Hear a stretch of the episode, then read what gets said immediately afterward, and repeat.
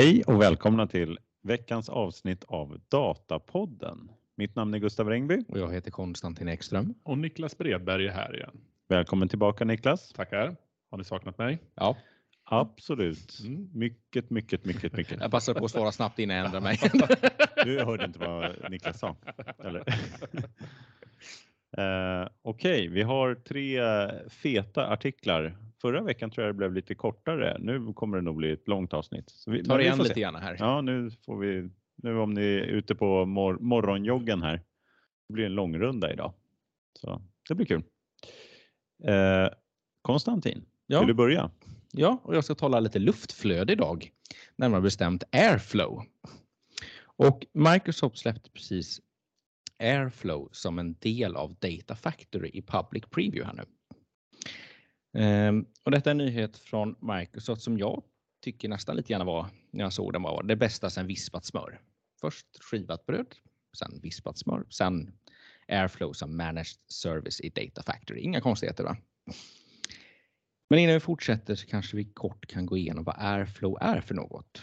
Och Airflow eller Apache Airflow som är det fulla namnet är ett open source-projekt som startades av Airbnb i slutet av oktober Eh, 2014. Om det var slutet av oktober eller början på oktober, det vet jag faktiskt inte riktigt, men det var oktober 2014.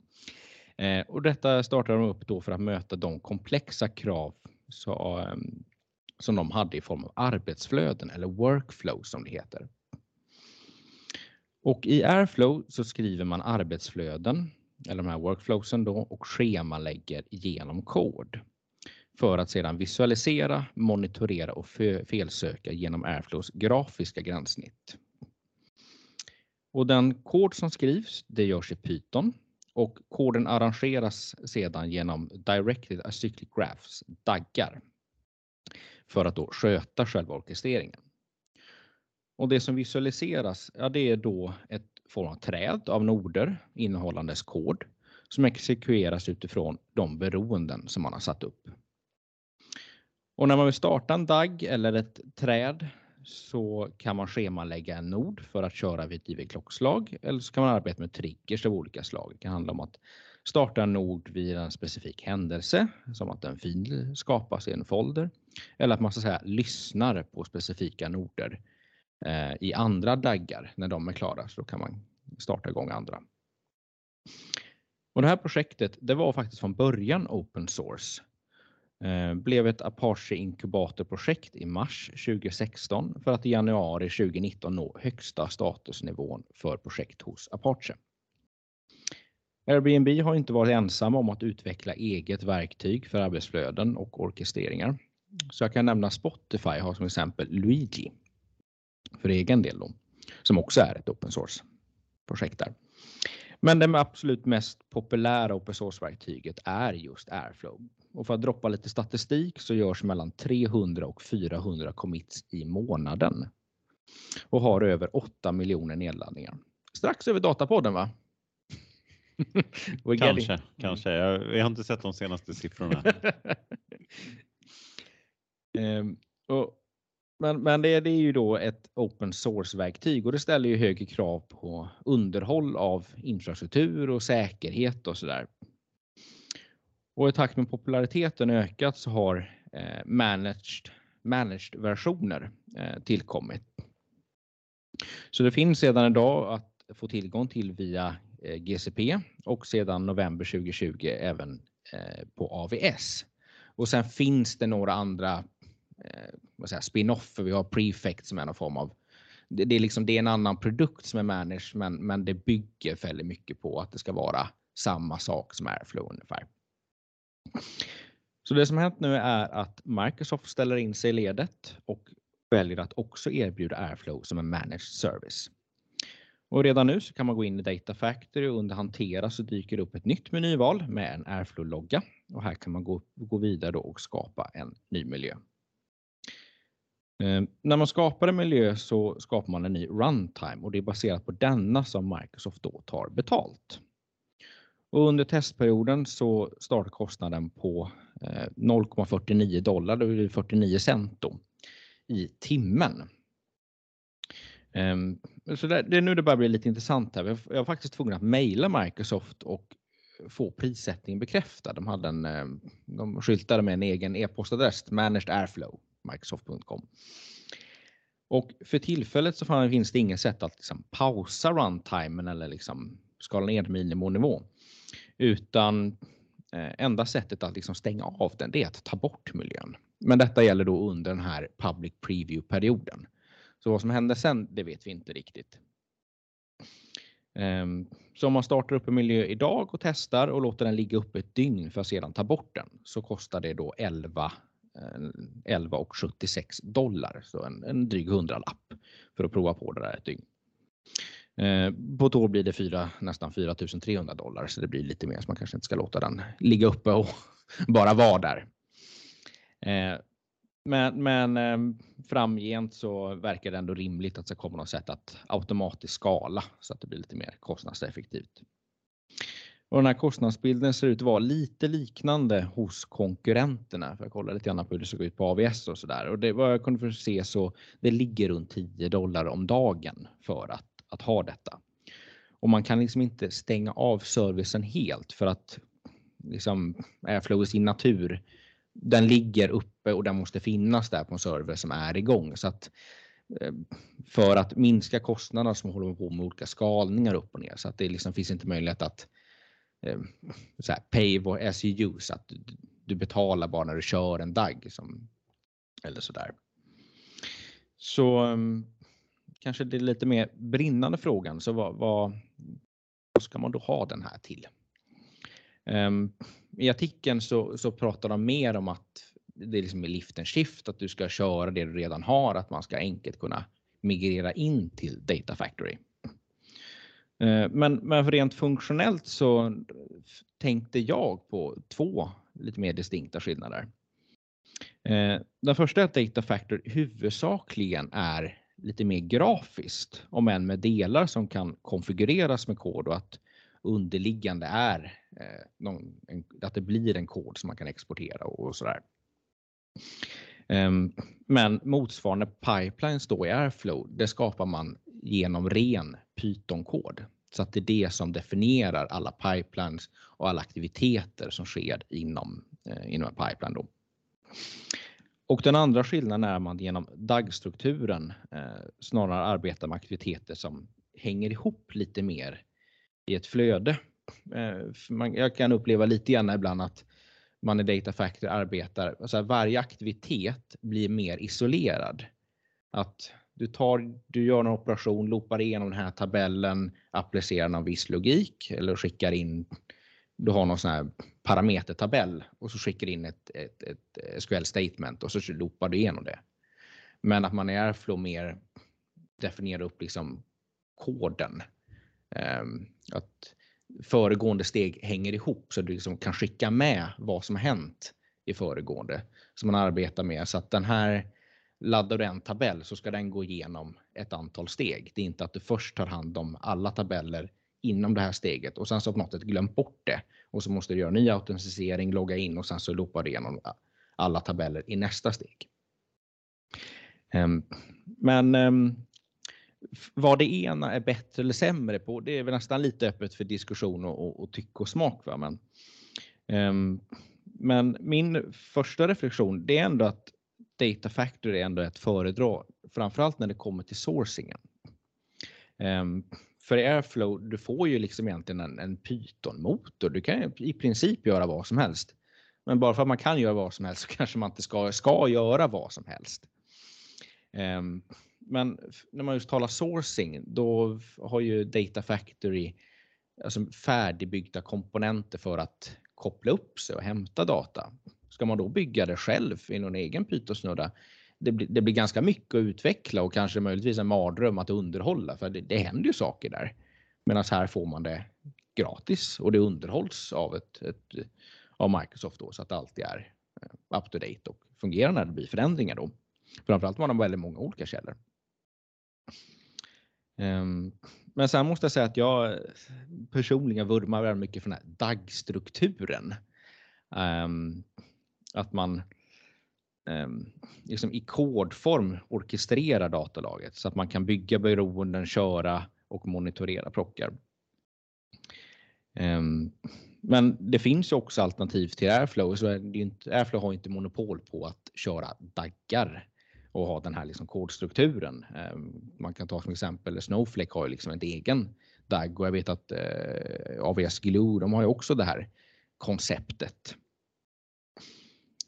Ehm, men som avslutning så gillar jag också att det här konceptet att man, man utvecklar i kod. Man har sparat ner allting i någon form av källkod och inte haft det grafiskt. Men att man sen kan ha driften grafiskt. Så att man den här koden man har byggt, en får man liksom en grafisk representation av. Um, som man sen kan arbeta med i monitorering och felsökning.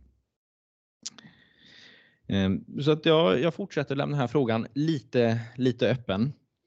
Ehm, men man kan väl ändå säga att det i slutändan vad gäller val oftast kokar ner till någon form av kostnadsfråga. Ehm, där man ändå får säga att Airflow som managed service här blir ändå ett, ett dyrare val, men möjligen kanske bättre då om man har ett eh, mycket mer komplext arbetsflöde när man ska göra olika, olika saker. Ja, spännande. Nej, det är ju roligt här för att Microsoft släppte ju för något år sedan eller två kanske det till och med var, den här möjligheten att eh, de ville göra det enkelt för att eh, man skulle kunna, om man hade en egentligen Microsoft on-premise lösning, så skulle det vara lätt att migrera till Microsofts cloud. Så nu kommer alltså, ja men nu ska det bli lätt att migrera om du har byggt en datalösning i ett annat moln. Så ska det bli mycket enklare att migrera till, eh, till eh, Microsofts cloud. Det är väl lite av ett mogenhetstecken va? Mm. Att det finns inte lika många on-premise längre som man kan eh, få upp i molnet. Ja just det, så då, hoppar mm. man på, då hakar man på open source och flyttar därifrån. Precis, eller från de andra molnen framför allt då. Ja. För där är det ju mycket mer open source tror jag. Mm. Än vad det om du kör Microsoft. Det är ju mer vanligt att du har i Google att du kör lite Apache och Ja, men det lite, kan man inte säga att det blir lite symptomatiskt för yngre eh, moln? Mm. Att man eh, liksom eh, man börjar kanske inte med tjänsterna utan då får man eh, börja med, med open source produkterna för att kunna göra det man vill göra.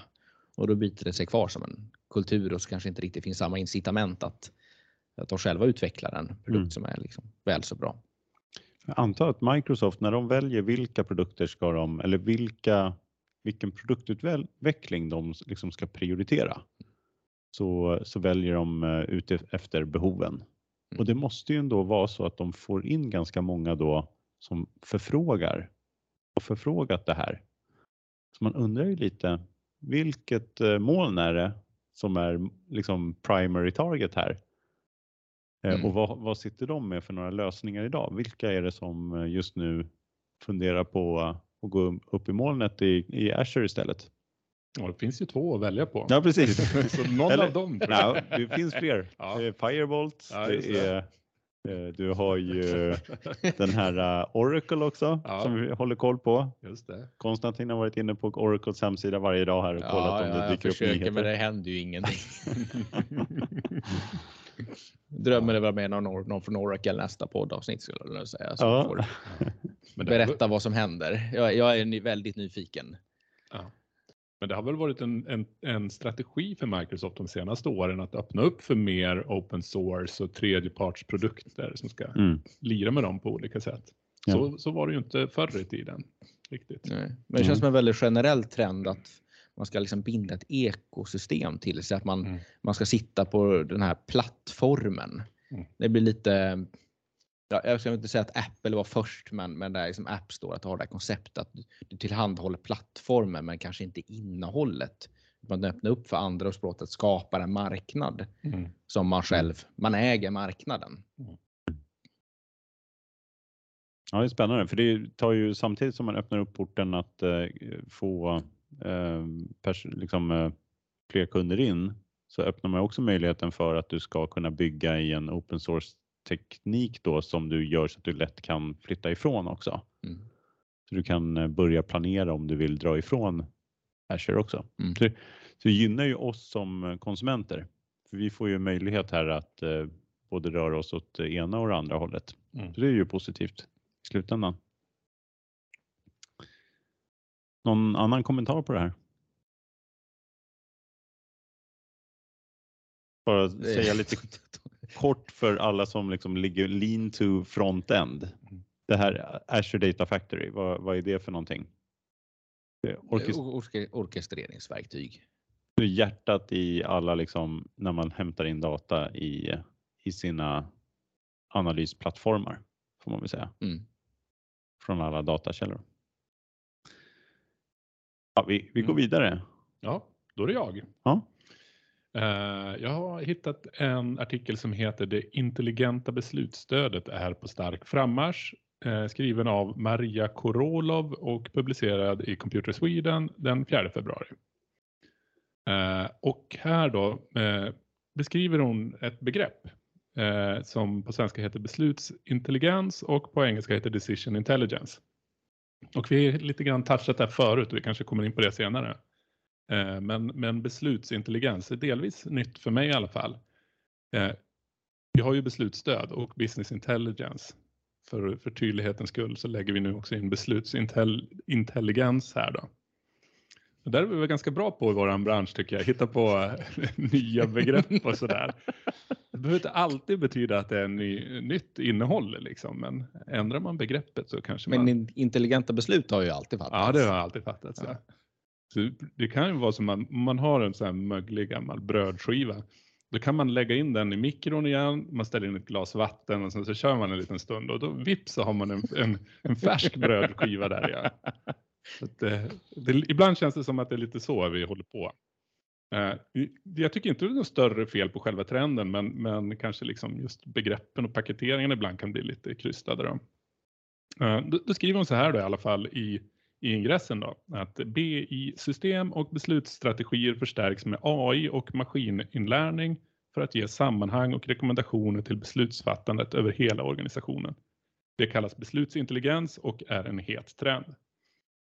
Eh, blev inte kanske jättetydligare eh, egentligen då, men då kommer någon som heter Nicole France, analytiker på Constellium, Constellation heter det, Research. Eh, och hon beskriver det så här. Denna rörelse mot beslutsintelligens innebär att företagens sofistikerade mix av verktyg allt mer byggs in i arbetsflödena och finns tillgängliga närhelst och varhelst beslutsfattare behöver dem. Eh, några av de mest tydliga exemplen på beslutsintelligens i praktiken är rekommendationsmotorer som använder analyser för att förutsäga vilka produkter konsumenterna tycker är mest passande eller, på vilka, eller vilka filmer de ska titta på härnäst. Då. Eh, då tycker jag det blev lite klarare i alla fall om, om traditionell BI handlar mer om att ta liksom strategiska och taktiska beslut som kanske en, en, en CFO eller CEO tar på något sätt. Så är det här mer, mer operativt beslutsfattande då, där liksom användarna och de som jobbar i processen effektiviserar liksom sina, sin vardag på olika sätt. Då.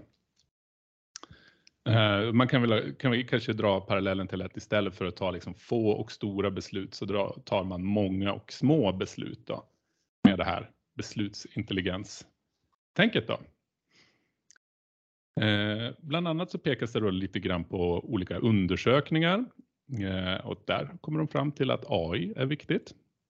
Det var ingen större skräll där, men man, man lyfter lite grann på, på locket där då så så säger de att nästan 16 procent planerar att lägga till den här tekniken i en snar framtid utöver de 6 procent av företagen som redan gör det. Jag tyckte de, de ville få det att låta som det var mycket det där. Jag tycker det låter som ganska lite som verkligen har anammat det här och planerar att anamma det på olika sätt. Uh, det, det, man kan väl säga att det här är en, en amerikansk artikel. Även fast den ligger då översatt på Computer Sweden. Så det är väl lite grann utifrån det perspektivet de här analyserna och exemplen kommer då. Eh, för så tar de ett par exempel då. Och då är det eh, Ajay eh, Gupta som är chef över digital transformation på Kaliforniens trafikmyndighet som beskriver hur de eh, har nyttjat det här då. Eh, och eh, de ville minska kötiden vid ansökningar eh, för körkort. Då.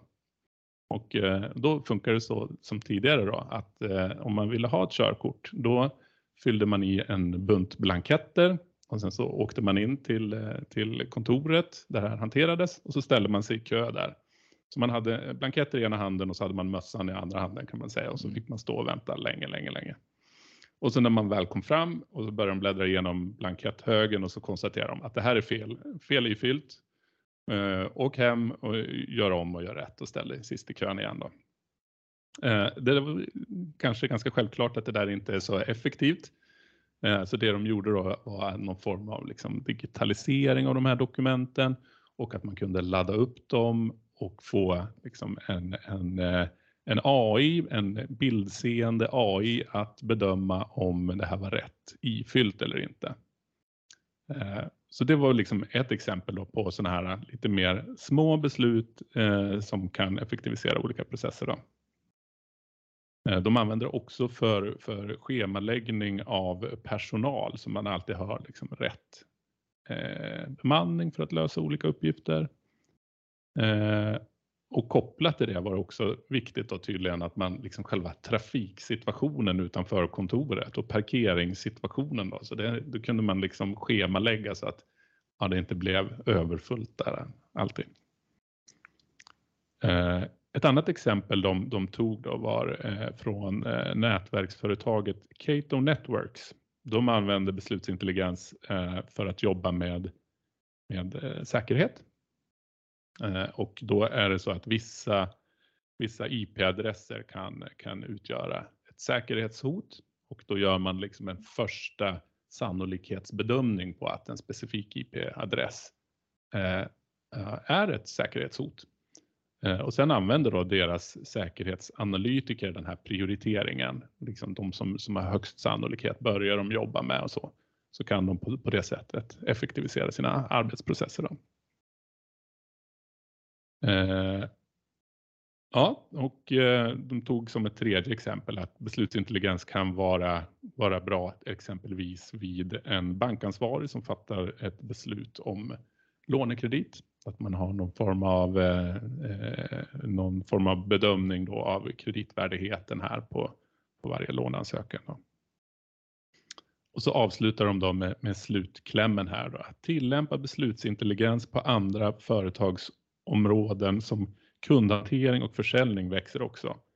Och det är inte förvånande med tanke på möjligheten att para ihop mänsklig intelligens med AI för att stärka beslutsprocessen. Eh, så det var hela artikeln. Mm.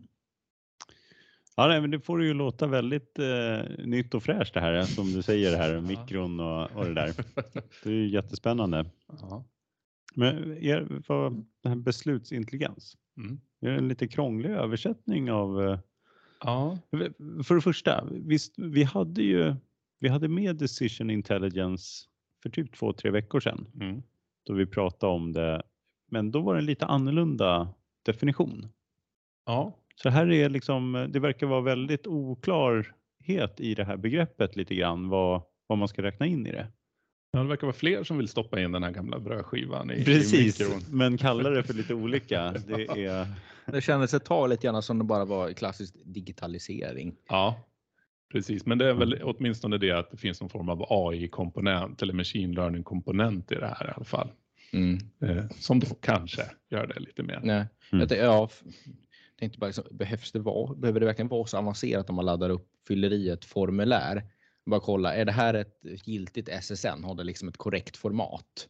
Ja. Det borde ju räcka med ett dokumenthanteringssystem eller något. Ja, men ungefär. Liksom, mm. Namn, du, har, du har ett förnamn, du har ett efternamn. Stämmer ja. det överens med SSN? Det är bara liksom en ja. koll mot ja. eh, något nationellt register. Ja, det borde inte Nej, men du, du behöver väl en sån här OCR-analys och det är ju en, eh, antagligen någon, någon typ av eh, eh maskininlärning eller i alla fall någon typ av statistisk analys som oh. gör den. Som du, en, en lite mer avancerad. Ja, så att du, om du har skrivit i liksom en blankett så måste du kunna läsa av den liksom mänskligt skrivna texten. Jaha, man gör det så avancerat att man liksom Man måste skriva ut den, skriva på hand, så... scanna in den, ladda upp den. Exakt. Det, det inte bara, varit... man, man, kan bara hoppa över där och bara skriv, fyll i blanketten ja. online och tryck på sänd och så är det klart sen. Ett formulär på nätet liksom. Ja, digital underskrift har funnits ett bra tag nu också. Ja. Jag vet inte om det är godkänt i USA för sig, men tekniken finns och det används på många ställen. Mm. Ja, och, och, det är väl också lite alltså att sälja in OCR som decision intelligence är också en, eh, en väldig omskrivning för någonting som har, har funnits ganska länge. Jag känner kanske att exemplen illustrerar lite grann om amerikanska myndigheter och sådär också. Ja. Hur det är ställt där. Ja, jag har ingen insikt om det, men, men man får ju en, en aning här när man läser ja. exemplen. Ja, men vi, vi hade, vi hade liksom business intelligence. Mm. är ju begreppet som egentligen till svenska har blivit beslutsstöd. Mm. Och det är egentligen beslutsstöd är väl kanske egentligen, kanske om man skulle säga översätta det till engelska, är ju decision support mm. snarare. Men nu har vi ändå, nu har vi gjort så. Mm. Det, det, hade blivit konstigt kanske att säga affärsintelligens på svenska. Mm. Men nu tar vi då halva det eftersom nu har man på engelska har man bytt business intelligence till decision intelligence och då ska vi ta vårat översatta ersätta hälften med intelligence. Ja, det är svårt. Beslutsintelligens. Mm. Jag tänker så här Gustav, jag tror för ungefär 15 år sedan då jobbade du och jag på varsin kund som hade egentligen ganska liknande eh, problem båda två. Men de ville ju ha smarta beslut i kundmötet i realtid med sina kunder. Mm. Och, eh, så, och, och, eh, det var som sagt var 15 år sedan och inte kanske ens nytt då egentligen. Så det har ju alltid funnits där någonstans att man effektiviserar de små besluten också tycker jag. Mm. Eh, men, men att det har fått sån liten genomslagskraft då, i alla fall i USA, som att bara 6% av företagen ägnar sig åt det här. Det låter, det låter som det inte riktigt stämmer med den svenska marknaden tycker jag. Nej, det, det kan nog stämma. Mm. Nej, och vi har ju till och med en, eh, alltså Random Forest har ju ett, eh, ett bolag som sysslar med det här mm. inom då, eh, inom just att hjälpa till med de här små besluten i inkommande säljkanaler. Mm. Så kundservice eller på en webb med rekommendationer mm. om vilken kommunikation till en kund. Mm. Så vi har ju hållit på med decision intelligence sedan åtta år tillbaka i alla fall, då vi startade Red Pine. Det känns ju som man är väldigt eh, trendkänslig här.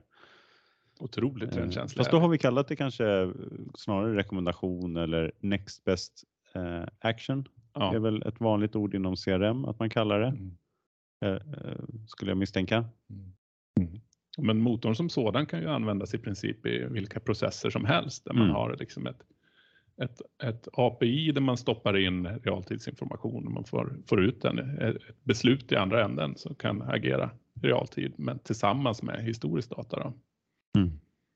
Ja, Nej, så det är väl alla de här exemplen finns under andra ord mm. och har funnits ganska länge som det här med kredit, credit scoring mm. får man väl säga är ett ganska allmänt begrepp inom finans mm.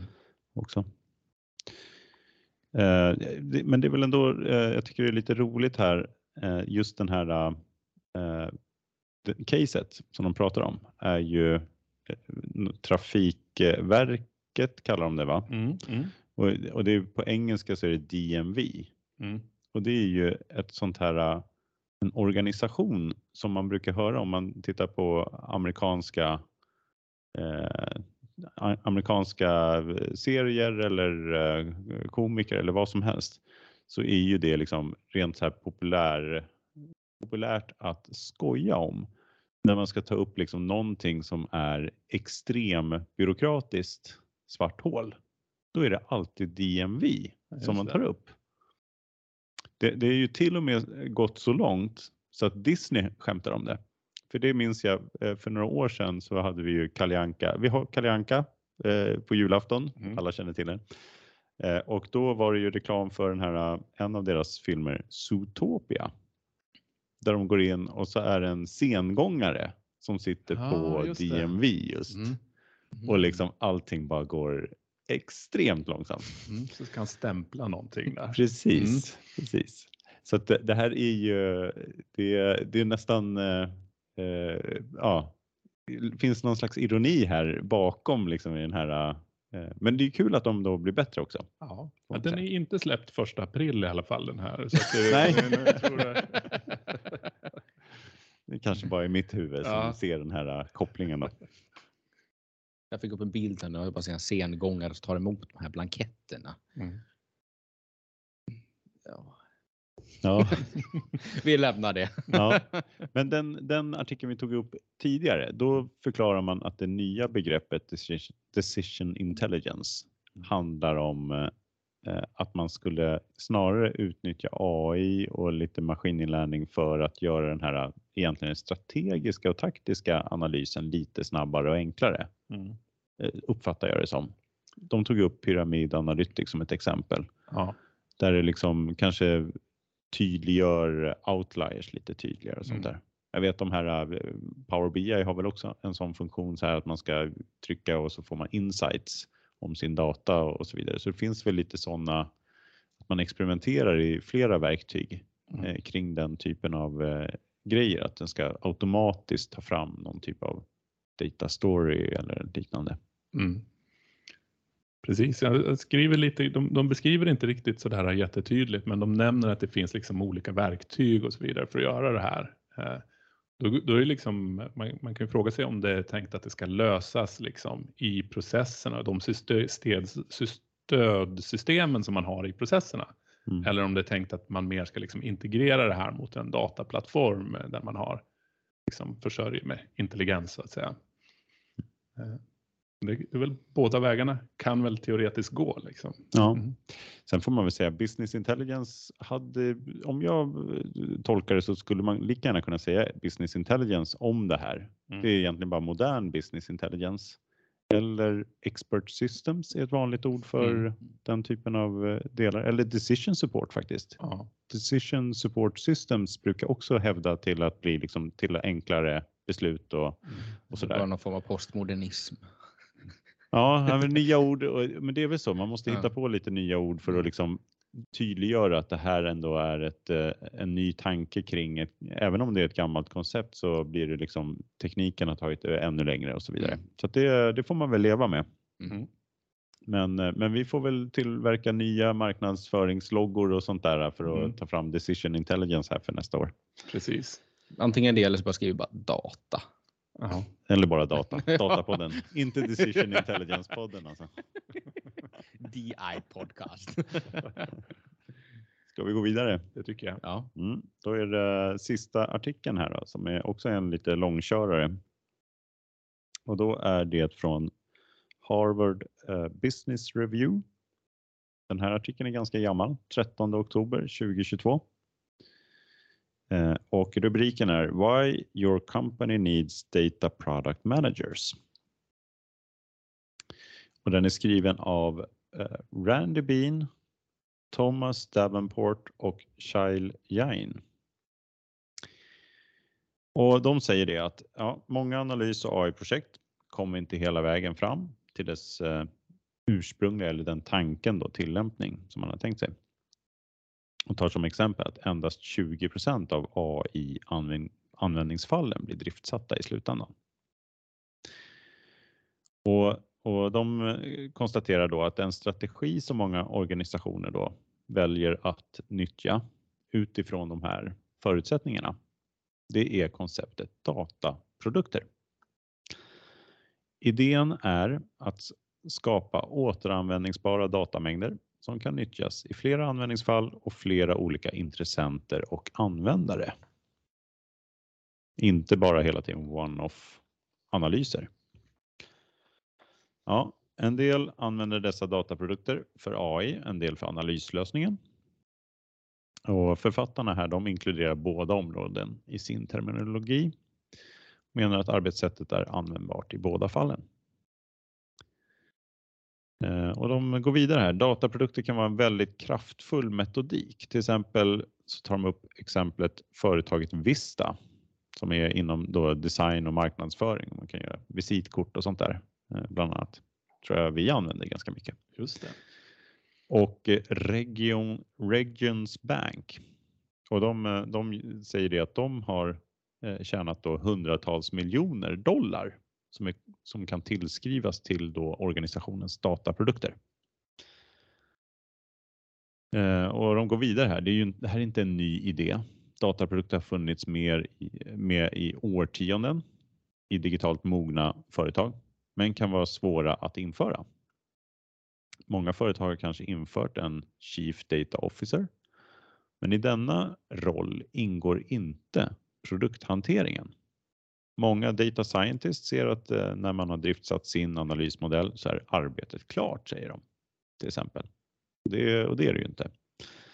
Vad man behöver är personer som har lite av data scientist och lite av en chief data officer i samma person säger de då.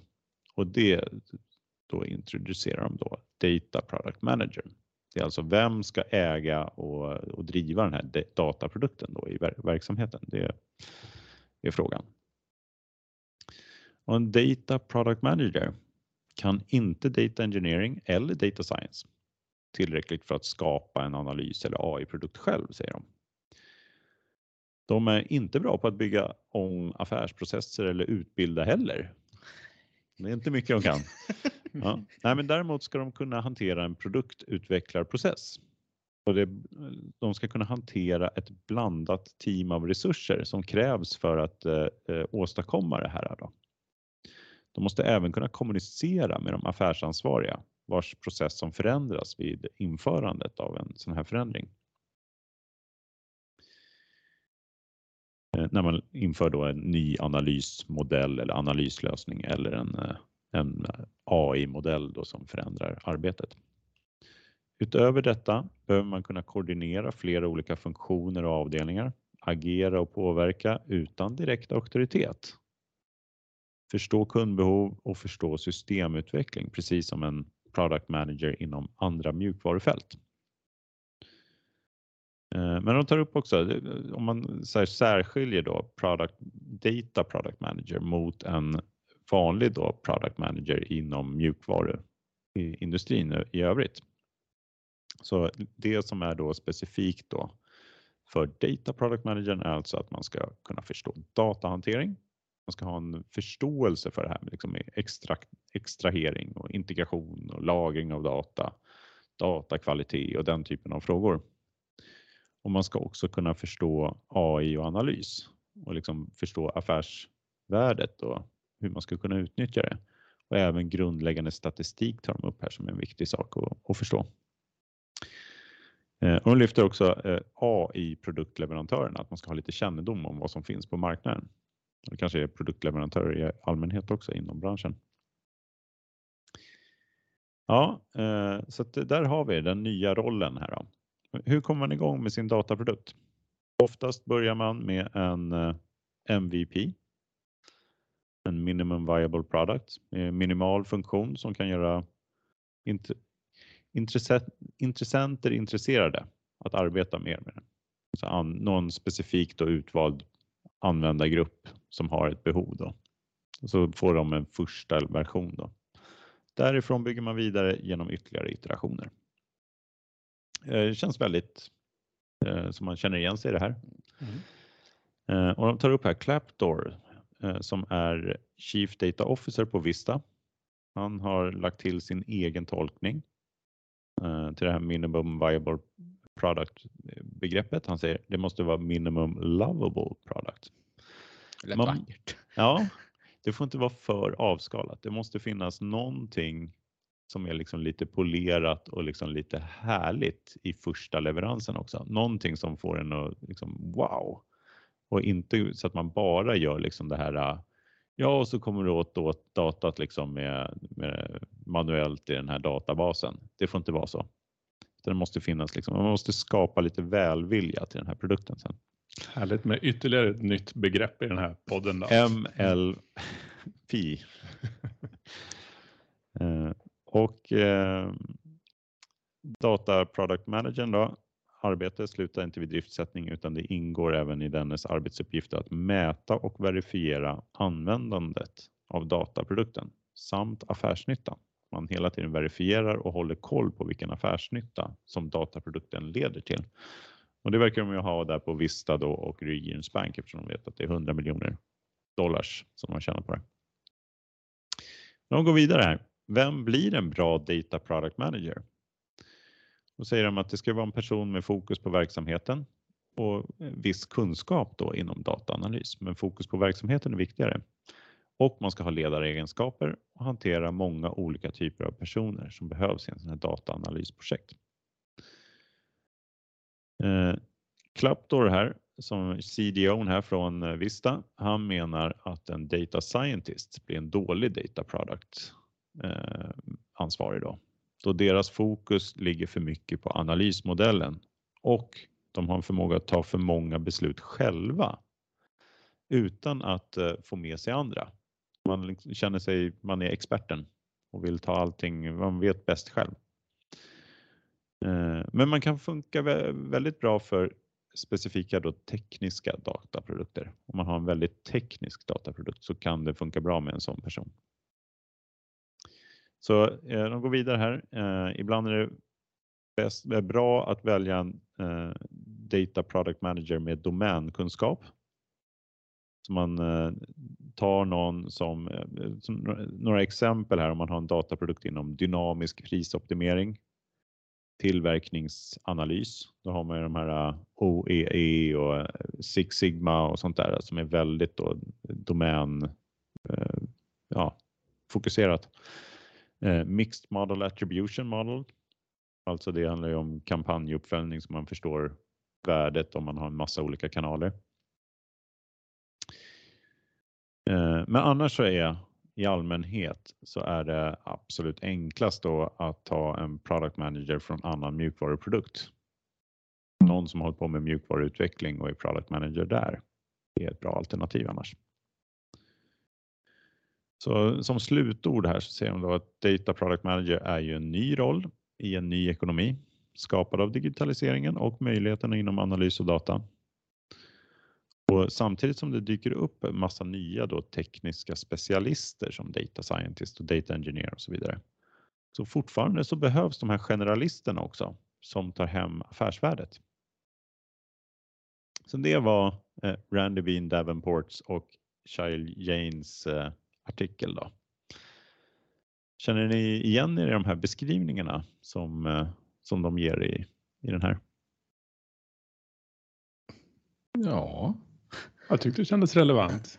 Ja, jag, jag tycker det är väldigt eh, likt som det brukar vara. Det man kanske blir lite så här eh, förvånad över det är att de säger att det är, att det är så få som gör det. Men det kanske mm. är ett, eh, det, DMV kanske inte har en data product manager ännu. jag, jag tror i Sverige är man nej. nog mer. Men jag funderar på det, alltså, då är man liksom inte team lead så att säga, utan det är mer liksom så här, team över, alltså cross team, alltså att man har liksom samarbete, man involverar flera team i detta. Ja. Så att det inte är liksom ett dedikerat team så att det snarare blir en, någon form av produktägare utan det är någon som arbetar lite över processer, över team, över. Nej, jag tror att du kan nog översätta det till produktägare, den här rollen. Ja, det är nog För jag tolkar svensk... lite som att det skulle vara lite eh, cross-funktionellt om man säger så. så. Nej, jag tror att du ska, cross-functional är ju att du ska ut och måste prata med användarna mm. eller du måste prata med säljchefen och ta in deras krav i vad du ska bygga i produkten. Är det inte det man behöver, behöver göra en sån position då? Jo, det var det de sa också ja. i artikeln då.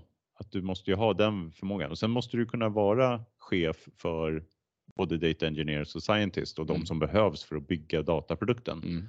Men de tar nog upp, eh, jag tror, eh, det vill jag nog påstå, eh, att, att de skriver. Mm. Ja, men så blir det lite grann det vi kallar produktägare. Fast det är produktägaren. Litet, litet vidare begrepp egentligen. Ja, jag tror att i Sverige här, jag skulle nog säga att här har man nog kanske en, antingen så, produktägare är en ganska vanlig titel idag, mm. så att det här är inte alls så himla ovanlig. Eller så har man en BI manager som har just de här upp, uppgifterna. Och då kan man, eller en analyschef då, som tar till viss del det här. Eller så har man delat upp det precis som de säger här att man ska ha en CDO eller en chef analysansvarig och sen så ska man ha produktägare under. Mm. Eh, så det här är väl, eh, för mindre bolag så blir det tror jag man slår ihop Chief Data Officer, eh, Chief Analytics Officer mm. och Product eh, Owner i mm. en person. Mm. CDAPO. Ja. Ja, jag inte komma på något bra begrepp där. Men det är väl den gamla BI manager-rollen egentligen, får man väl säga. Mm. Noterar att han stämplar alla data scientists här också som någon form av datadivor här som tar ja. sina egna beslut och gör som de vill. Jag Så. tror att eh, det känns som det är ett lite fokus här på AI just. Men egentligen så säger de att analys också följer med. Jag tror att det skulle egentligen, jag, jag läser det som att det skulle lika gärna kunna stå att det inte är så bra att ha en BI-arkitekt eller en senior utvecklare heller som mm. Eh, men det, ja, det, det var lite AI, att de tog eller, sina egna beslut. Liksom. De är helt ostyrbara. Ja, de, de kanske hamnar, fick en liten släng av sleven. Jag är ja. kanske lite trött på dem, den här äh, Clapdoor var det väl som äh, var lite irriterad på alla äh, data scientists. Kan ha ett gammalt trauma tillsammans med någon data scientist bak i historien. Det kan vara så. Det, mm. det... kanske inte var minimum live, lovable. ja, men jag tror att det finns en, en eh, poäng i det att alltså personer som är eh, arkitekter och data mm. scientists, de är sådana experter. Mm. Det är ju det som är hela deras, liksom vad de bygger mm. sin, eh, sin, sin karriär på. Mm. Så att det kan vara svårt för sådana personer att samla in behov från andra för att mm. de vet bäst. Det är ju liksom det som är själva poängen med deras eh, Ja, det, det, ligger lite i att, ja, man, att man gillar att ja. samla kunskapen ja, själv. Man tittar person som har förmågan att genomföra, genomgå en form av transformation personligt plan också. Men mm. det kan ju vara en stor eh, tillgång också att ha den där, men att man ändå förstår sin nya roll. Ja. Eh, och inte stämplar som, jag känner jag måste ta lite människan i försvar här. Att inte, om man har ett typ av arbete så är det där man, man är. Man är inte fast där. Nej, Nej det, det, känns lite. Mm. Absolut, en, en hel del kan förändras, men, mm. Eh, men jag, jag, tror ändå att det finns en del som är liksom drivna av att få vara experten. Eh, och om man mm. trivs i det, då är det fel att ta egentligen mm. Data Product Manager-rollen. Ja. man kanske kan ta ja. den för att man ändå klarar av att förändra sig, men om man det kanske inte är att man kommer gilla den rollen heller då. Nej, men sen beror det också på vilken typ av vad, hur man sätter upp själva rollen. Är det man byter man helt och hållet så att man är 100 den här eh, produktägaren eller så, så, Då kan det bli en annan sätt än när man har den här, jag tror det kallas engineering manager. Det vill mm. säga att man har sitt, sin utvecklarjobb och sen parallellt lite vid sidan av så ska man göra, ha det som den här lite managerfunktionen också. Ja. Och då kan jag förstå att det, då blir det faktiskt ganska svårt för då har man ju eh, sin utvecklar eh, roll och utveckla fokuset på daglig basis. Så ja. då, då blir det ju automatiskt ganska svårt för det är ju det man, det mm. man ser då. Ja. Um, så då kan man ju förstå att de uh, menar att det skulle vara en, en, en, begränsning i så fall då. Att ja. ha en, på det sättet. Jag tycker ändå det är, det är trevligt med en ganska enkel förklaring vad data product är för att det här faller ju egentligen in. Data warehouse är också en data product. Mm. Annars så kan man få känslan av att det här är helt olika saker. Eh, jag, jag, vet, jag brukar föreläsa i en sån här um, lite, kring kundanalys lite då och då. Det brukar jag alltid ge som första råd, för det kanske inte är lika självklart i analys, liksom om man sitter och bygger uh, analyser, så kanske man inte tänker på att eh, det är bra att återanvända de transformationerna man gör. Det brukar vara första rådet att eh, just att men om man ska få en bra process, så återanvänd det du gör för det är inte lika självklart att man gör det när man gör, eh, om man är en data scientist tror jag. Medan om man jobbar med business intelligence och, och tar fram kopior, då är vi helt drillade i, alla är drillade i att man ska tänka den här, nu tar jag fram ett KPI och det kommer inte användas bara i en rapport utan det kommer användas i hundra rapporter. Så det gäller att göra ett, liksom en, en bra förberedelse och förbereda för att det ska vara enkelt att konsumera på flera olika sätt. Mm. Eh, så det tycker jag ändå är ett väldigt bra råd eh, att ge. Eh, och sen tycker jag, det här är det som är en intressant, du var inne på det här också Konstantin, att jag, jag tycker ofta att man får den frågan från kunder som har liksom börjat med processen att sätta upp en ny analysplattform. Och så kan de fråga sig, men vilken är den första anställda vi tar in? Och då är det oftast att man vill ta in någon som kan göra allt. Mm. Eh, och eh, Men rådet brukar ju vara, i alla fall på en lite, lite större lösning, så är ju rådet att ta in den här Data Product Managern först. Det är ju den som man absolut måste äga själv. Men det finns alltid den här att man vill gena då, så vill man ta in en, någon som är eh, för teknisk, för man vill ju gärna att de ska lösa en del tekniska problem också. Men det betyder också att man får en dålig då person för tillämpningen av det. Och så tappar man lite grann det. Mm.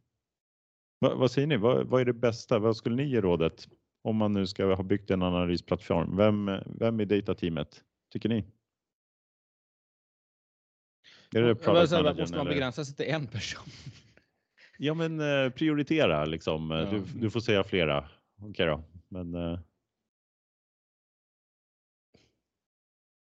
Ja, alltså man tänker liksom okej, okay, du har liksom minsta möjliga budget. Mm. Man tänker det caset. Man måste ha någon som kan sköta driften. Om man nu inte har någon som kan göra det. För man kan ju ha en, en manager utan, utan arbetare, det, det blir ju ingenting. Mm. Um, ja, men säg, du det... kan ju köpa in tjänster också. Precis. Du, du är ju inte helt uh, låst till att du ska ha anställda som gör det som sitter. Ja, då, då blir det ju naturligt den manager, alltså någon ansvarig för ja. utveckling och planering och, och sådär. Ja, och andra sidan, du, om du har en annan då product manager som sysslar med något annat, då kanske de kan ta 50 mm. och vara data product manager mm. Och 50 ett annat verktyg. Mm. Och då kan du ju börja med en rapportutvecklare eller mm. data scientist eller något mm. liknande. Kanske någon som jobbar med krav eller något sånt som kan eh, applicera liksom det här för, på, på verksamheten på olika sätt. Mm. Nej, men jag tror det blev eh, allt för högt fokus på just att man ska kunna allting inom eh, data och analys mm. istället för just det här som de säger att det är, det är en generalist du behöver först mm. och främst. Som kan lyssna på andra på ett annat sätt. Mm. Ja, det var, det var nog den. Ja. Uh, jag, jag, tyckte just eftersom man får den här de frågorna och jag vet att vi, har, vi skickar ut, vi har någon liten sån dokument med en massa olika roller liksom. Det, mm. det här brukar vara en viktig roll får man väl säga i ett, eh, i ett arbete. Eh, och, väl, och kanske den svåraste att få till på ett bra sätt, i alla fall med en liten lösning. I större då har man, en, eh, då har man ju möjligheten att ha den här typen av specialiserad person. Mm. Det blir enklare. Frågor på det? Jag tycker det sammanfattar allting väldigt bra. Ja. Så vad har vi lärt oss nu för nya ord? Det var brödskiva med vatten i Aha, mikron. Minimum lovable product och sen det var någonting mer. Jag vet inte, det, det, här med beslutsintelligens. Det var ju brödskivan där då kanske. Just det. Mm. Ja, och decision intelligence har blivit mer oklart än vad det var ja. för en timme sedan. Precis.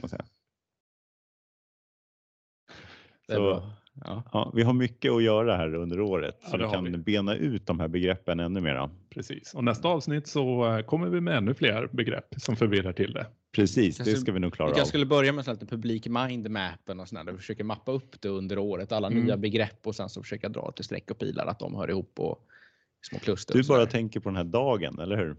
DAG. Dagen, ja precis. Du vill ha Jag vill ha en DAG. En trädstruktur. Ja, men vi tar och avslutar här och eh, hoppas att vi ses nästa vecka. Det gör vi. På återseende. Tack så mycket. Hej då. Hej då. Hej då. Vakna klockan fem, det är mörkt nu igen som om idag